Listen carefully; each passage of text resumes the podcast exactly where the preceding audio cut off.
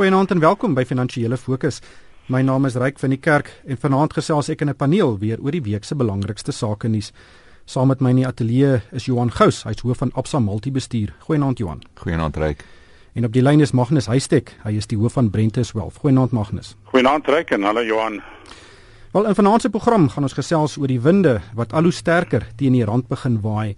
Verskeie kleinhandelaars het die week ook handelsverslae uitgereik wat daarop dui dat verbruikers nog 'n bietjie skop in hulle lywe het. En dan gaan ons gesels oor of dit nog enigstens moontlik is vir gewone mense om op die ouderdom van 60 af te tree. En daar is al hoe meer stemme wat opklink teen hierdie beginsel wat al vir meer as 100 jaar in gebruik is. Maar Johan, kom ons begin by ons geliefde geldeenheid. Die rand het die week weer die vlak van R11 in die dollar getoets en het die afgelope 3 jaar nou van omtrent R8 tot R11 geval. Dit is 'n uh, verswakking van 36% en die die geldeenheid is volgens verskeie nuusdienste die die swaks presterende geldeenheid in die wêreld op die oomblik. Wat dink jy is hier aan die gang? Ja, reg as ons kyk 2013, die rand het 23% verswak in in laas jaar en het op die agtervoet afgesluit. Ons het hierdie jaar gesien hoe hy nou op die agtervoet weer eintlik begin. Ehm um, ek dink daar's veelerlei uh, grondige redes vir die verswakking in die rand en baie mense sê is hy miskien 'n oorverkoopte area, nie maar die feit is daar is baie goeie redes daarvoor. En ek sou sê die besluit van die Federale Reservebank in Amerika om te begin terugsny op sy aankope aan staatseffekte hierdie jaar is die grootste bepalende faktor op die oomblik. Ek dink die terugsny van effekte aankope beteken dat daar minder geld in die finansiële stelsel ingepomp gaan word en dat rentekoerse dan in die FSA sal begin styg. En dit sal dit dan minder aantreklik maak vir beleggers uit die FSA en elders om in Suid-Afrika te belê. Nou ander faktore wat in 2014 uh, steeds teen die rand sal weeg, sluit dan in trae ekonomiese groei, arbeidsonrus, die verkiesing uh, en die politiekery rondom dit en dan die tekort op ons lopende rekening. Hmm. Ehm um, Magnus Mike Schuessler het hierdie week 'n artikel geskryf waarin hy gesê het dat Suid-Afrika nog nie eintlik die vrugte van 'n swakker rand gepluk het nie. Weet die die retoriek is dat as die rand verswak gaan ons uitvoere en ons vervaardigers beter vaar, uh, maar dit het, het nog glad nie gebeur nie. Maak korrek. Gewoonlik ehm um, as die rand so verswak, dan begin ons uitvoer, maar soos Mike ook sê, ons maak goederes wat die wêreld in hierdie stadium nie nodig het nie. En en dis heeltemal korrek. Ons vervaardiging is onder druk al vir baie jare en daar's ook elektrisiteitsbeperkings. So al wil ons meer uitvoer en produseer, kan ons dit op hierdie stadium nie doen nie. En om net by te voeg wat Johan gesê het oor die rand, dit is maar net 'n kwessie van die gety is nou besig om uit te gaan en ons hele makro-ekonomiese eh, situasie van die afgelope 5 jaar word nou bietjie ontbloot in die sin dat ons het ons tekort op die lopende rekening maklik gefinansier as gevolg van die goedkoop geld wat oral in die wêreld was.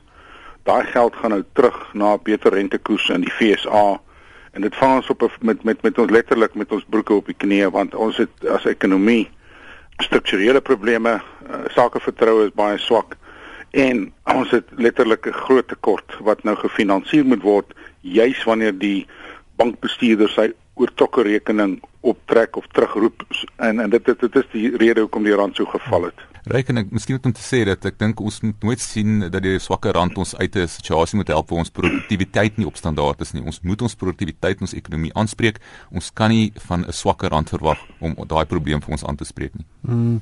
Wel, ondanks uh, die rand wat verswak uh, en en ekonomiese vooruitsigte wat 'n bietjie bedruk is, het die JSE weer 'n nuwe rekordhoogtepunt bereik. Uh, Magnus, ek weet die JSE is nie 'n barometer van die ekonomie nie, maar dit lyk asof die die skakel tussen die twee heeltemal besig is om te ontkoppel. Weereens wat gebeur het die afgelope paar jaar, ons groot maatskappye het land uitgetrek om sake geleenthede daar te gaan ondersoek en ek dink maak dit ook daarna verwys dat tussen 60 en 70% van die omset van die JSE maatskappye is in die buiteland gekoppel so die die die die beurs baat by die verswakkende rand. Dis hoekom jy sê lyn tussen die twee trek hulle hulle hulle styg op dieselfde mate. Wat die groot gevaar is dat die mense wat aandele het en wat in pensioenfonde het baat geweldig, maar dit dit skep nie werk nie dit kan lei tot politieke onrus. Die gaping tussen die die wat het en die wat niks het, nie word al hoe groter en dit is dit is dit is kommerwekkend. Hmm. Ja, ek dink uh, ryk ook net die nuwe hoogtepunte wat ons nou hierdie week gesien het, uh, is hoofsaaklik gedryf deur sterker wêreldmarkte en miskien bietjie beter ekonomiese nuus uit van die wêrelddele, maar dan ook natuurlik um, die randverskansers en spesifiek het hulpbronne hierso deurgekom. En en soos Magnus gesê het, 'n swakker rand verhoog die verdienste van vele van hierdie groot maatskappye op uh, die JSE. Ons het weer eens nuwe hoogte rekordhoogtepunte vir Naspers Richemont gesien. Dit is na Richemont reeds 63% in 2012, 57% in 2013 gestyg het. En dan ek dink vir my die tema vir 2014 uh, is dan die randverskansing as gevolg van die rand wat uh, vir die res van die jaar dalk onder druk sal bly. Hmm. Johan, ek wil net vinnig ook kyk na kleinhandel. Kleinhandel word baie keer gesien as die die die werklike barometer van hoeveel vertroue daar onder verbruikers is. Uh Massmart en en Woolworths um, het het het verkoopstygings van omtrent 10% ervaar, Mr Price van amper 15% dit lyk glad nie sleg nie. Dit lyk of verbruikers nog steeds bestee, maar ongelukkig is die een syfer wat hulle ook uitlig is dat prysinflasie ook omtrent uh, besig is om te styg en dat daai pryse deurgegee word aan verbruikers. Wat, wat maak jy van al hierdie syfers? Ja, ek dink dit is juist die ding wat ons moet kyk. As jou omset verhoog, het dit verhoog as gevolg van jou volumes of het dit verhoog as gevolg van die prysstygings in jou produkte of 'n kombinasie van die twee natuurlik. Nou as ons dan kyk na die syfers, lyk dit dan of daar nie werklik veel groei was in die omset van hierdie maatskappy. Die True het gister uitgekom met 7% stygings en hulle het klaar gesien hoe hulle van die vorige kwartaal na die laaste kwartaal al klaar redelik verswak het in terme van hulle uh, omsetsyfers. So ek dink die druk met die huishoudings wat onder druk is in die verbruiksbesteding wat nie op hierdie stadium so sterk groei nie, gaan hierdie kleinhandelaars nog steeds die wind van voor hê. Maar ek dink daar moet jy gaan kyk na spesifieke aandele, maatskappye wat in sekere uh, na sekere areas van die mark kyk, byvoorbeeld Woolworths, kan jy sien is nie ernstig geraak deur baie van die ekonomiese faktore nie omdat hulle in die hoër kant van die mark speel. Mr Price gaan byvoorbeeld die voordeel begin trek van meer waarde vir geld. Ek hou ook van Mr Price omdat daar nie werklik krediet betrokke is daarsoom by hulle kliënte nie. Ehm um, ek dink die laaste jaar was daar 'n bietjie van konsolidasie in die kleinhandelsektor in terme van aandelepryse en so aan. So daar is nog hier en daar geleenthede, maar dit gaan maar moeilik gaan hierdie jaar. Ja. Magnus, ehm um, die Wêreldbank het ook uh, hierdie week gesê, weet jy, hy verwag dat Suid-Afrika se ekonomie vanjaar met so 2,7% kan groei en 3,5% volgende jaar. Hoe stroop hierdie uh, kleinhandelsyfers met daai verwagtinge? Ja kyk, dis verwagtinge en soos Johan sê, ek dink die, die die verbruiker is onder druk en en Mr Price and Woolworths is miskien maatskappy spesifieke redes uh reorganisasie nismarkte in die hoër inkomste kategorieë die ander groepe sukkel. So ek ek ek sal baie verbaas wees as die kleinhandel gedoen hierdie jaar as jy kyk na petrol, die die die die impak van die dalende rand gaan deursyfel in die vorm van petrol en ingevoerde goedere en dit dit gaan die verbruiker nog onder meer druk plaas hierdie jaar. Mm, jy moenie eetol vergeet nie. Wat is dit nou weer? dit 'n nuwe ding. Ja. Maar kom ons gesels uh weet Magnus uh hierdie week het daar het Johan Redelinghuis van die konsultasiegroep uh Hydrig and Struggles 'n baie interessante artikel geskryf waarin hy sê dat die beginsel dat mense teen die ouderdom van 60 moet aftree nie werklik meer bestaan nie. Dis eintlik meer 'n opsie nie en ek weet jy het ook al baie daaroor geskryf. Weet in in, in Johan Redeling hy sê dat die gebruik dat mense op 60 moet aftree is reeds 100 jaar oud. Ehm um, dit het in Duitsland begin en dit is regtig nie meer relevant vandag nie. Ehm um, want dit beteken basies mense vandag, weet hulle begin werk op 20 tot 25, hulle werk vir 35 tot 40 jaar. Dan word hulle verplig om op 60 af te tree. Um, en dan moet daai spaargeld hulle vir nou nog 35 of 40 jaar hou. En, en daar's nie baie mense wat dit kan doen nie. Enige persoon wat vandag nog 60 as 'n teikendatum vir aftrede sien en wat nie aansienlik eh, rykdom het nie, gaan baie baie arm word oor tyd, want die lewensverwagting vir meeste mense wat op 60 aftree is nog 'n 25 selfs 'n 30 jaar.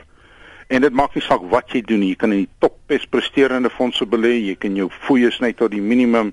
Jy gaan eenvoudig nie genoeg geld hê nie. So die model het verander Ek en Bruce Cameron het so 12 jaar gelede 'n boek geskryf, The Truth About Retirement. En dit is al toe al voorspel dat uh, die, die aftrede die aftrede ouderdom sal aansienlik verhoog moet word na 70, dalk 75. En vir baie mense is aftrede nie 'n opsie in hulle lewenstyd nie en hulle moet daarbey aanpas en hulle moenie 60 of 65 sien as 'n doelwit 'n aftrede datum en dan gaan hulle gelukkig wees nie. Die model het het drasties verander die afgelope 10, 15 jare. Maar Johan, dis nie asof mense wil aftree op 60 of 'n keuse het nie. Baie maatskappye sê net jy 60 trek die streep gaan nou lekker vakansie. Ja, dit is baie hartseer om te sien as ons kyk na 'n land soos Suid-Afrika waar ons juis 'n vaardigheidstekort het. Ons kan nie werklik bekostig om hierdie jare se ervaring en kundigheid sommer net so te laat gaan nie. En daarom is daar 'n nuwe tendens wat ons sien en dit is meer wat hulle noem aktiewe aftrede. So baie van hierdie mense kom nog steeds terug in die vorm van 'n konsultant of hulle neem 'n nuwe rol in hulle eintlik is dit asof hulle self hulle self herontwerp en hulle kom terug as opleiers van miskien meer van die jonger generasie mense wat inkom. Jy kan hierdie mense gebruik as 'n mentor in baie van hierdie besighede. So ek dink daai reël uh, moet mense sien spesifiek in die konteks van van ons vaardigheidstekorte wat ons het in hierdie land. En uh, dan dink ek net soos jy gepraat het oor die vermoë om eintlik te bekostig om af te tree op ouderdom. Dit is werklik onmoontlik. Ons weet mense leef langer. Ehm um, ons weet mense het daar's meer drome wat hulle vandag wil wil uitleef en en, en wil navolg. So ehm um, dit is net 'n situasie waar ons als klaar sien dat daar so min mense is eintlik wat al klaar onafhanklik finansiëel onafhanklik kan aftree en dan uh nog op so vroeg ouderdom ook. Hmm. Maar Magnus, dit is nie 'n weet 'n landswet dat jy moet aftree op 60 nie. Dit is dit is riglyne wat die maatskappye self uh, vir hulle werknemers stel. Dit is grootliks korrek. Ja, kyk, so onlangs Sasol se uitvoerende hoof vir jare wat gelede op 60 is hy afgetree. Die mense in in ek meen daai daai reëls moet verander word en ek dink daar is gewellige druk van die vakbonde. Die vakbonde skop vreeslik daarteen dat die aftree ouderdom verhoog word want hulle wil hê die mense moet aftree sodat daar werk geskep word vir jonger mense. Maar dis nie 'n volhoubare situasie nie. En soos Johan sê, die mense tree af maar hulle hulle of hulle raak betrokke by 'n ander maatskappy, konsultant, nie uitvoerende direkteur of 'n beginner klein maatskappy en dis meer en, en dit sal jy dit dit sal jy sien. Ek het baie baie afgetrede kliënte.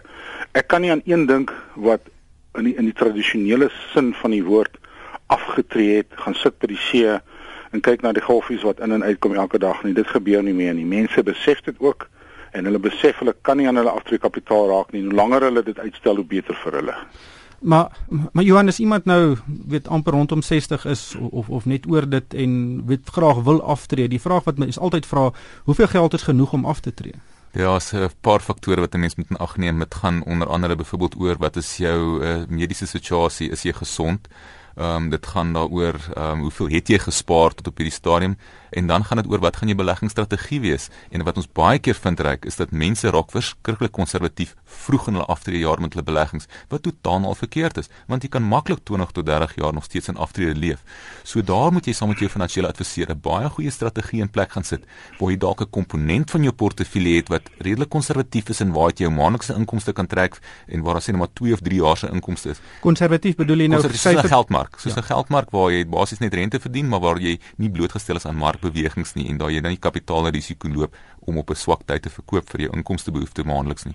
En dan die res van jou geld moet jy nog steeds in 'n groei komponent hê waar jy dan nog steeds buitelandse blootstelling het, nog steeds verskillende bateklasse blootstelling sodat jy ten minste met inflasie 3 tot 4% uh, kan klop want ons weet inflasie die syfer wat ons lees is nie noodwendig inflasie vir mense in daardie mark nie. Hmm.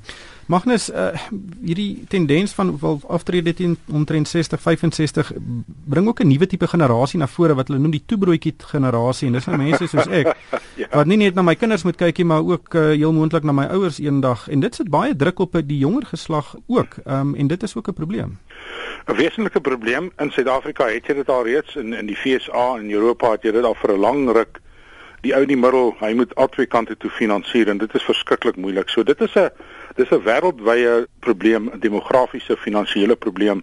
En mense moet besef soos Johan sê, die die, die tradisioneel aftrede veilige belegging wil nie risiko vat nie. Mense moet risiko vat en dis waar die adviseur jou kan help om te wys hoe die markte werk sodat jy beter verstandhouding het tussen jou en jou beleggings.